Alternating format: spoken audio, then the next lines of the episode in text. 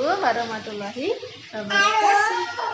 Kali ini Mama dan Yusuf mau membacakan buku yang berjudul Kisah Nabi Muhammad Sallallahu Alaihi Wasallam dari seri Halo Balita. Penerbitnya Mizan. Ya, di sini sini. Ibunda Aminah tengah mengandung perutnya semakin membesar. Tak lama lagi bayinya akan segera lahir.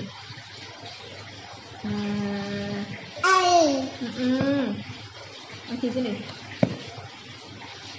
Hidup, Bang. Beberapa hari kemudian, Ibunda Aminah melahirkan bayi laki-laki. Bayi itu diberi nama Nabi Muhammad Shallallahu Alaihi Wasallam. Mana tadi deh?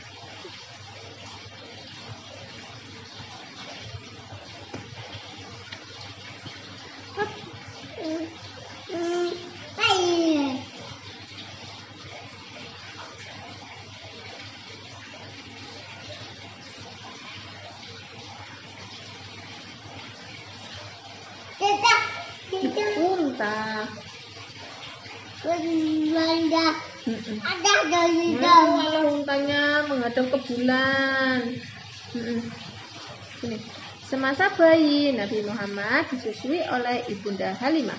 Ia berasal dari suku dari dusun Bani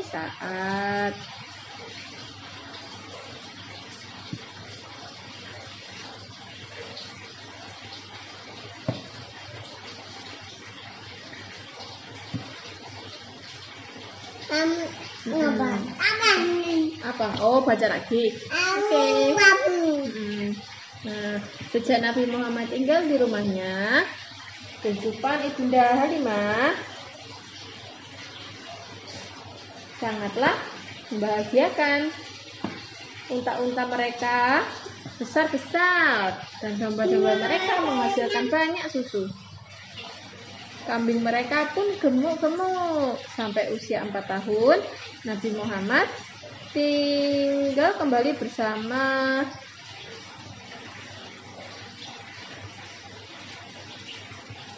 Ibunda Halimah. Setelah itu Nabi Muhammad kembali pulang ke pangkuan Ibunda Aminah. Hap.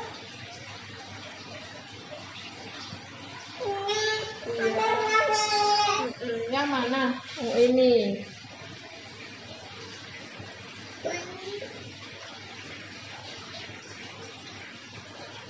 Mm-mm. Saat usia enam tahun, Nabi Muhammad diajak Ibunda Aminah ke Yastrib.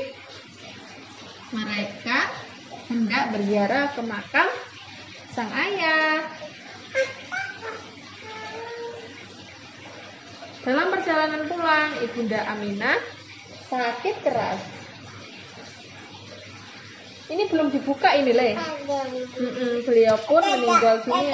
Oh, dibuka.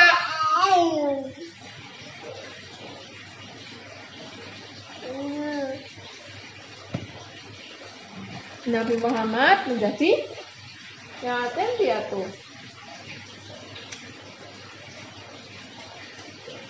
Belum selesai.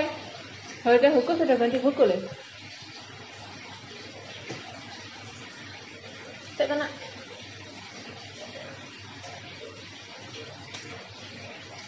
Hmm.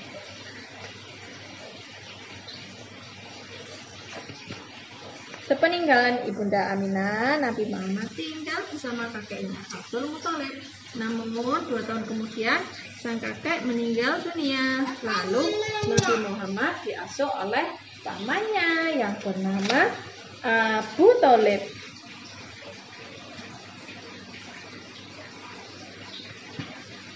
Sehari-hari Nabi Muhammad bekerja sebagai penggembala kambing. Saat menggembala, Nabi Muhammad sering menikmati keindahan alam. Uh, uh, uh. Mm-mm. Ya. Tanda-tanda kenabian pun telah diketahui sejak beliau kecil. Rahib Buhairah berkata kepada Abu Talib tentang Nabi Muhammad. Inilah Nabi Nabi yang akan diutus oleh Allah untuk semesta alam. Selesai. Iya.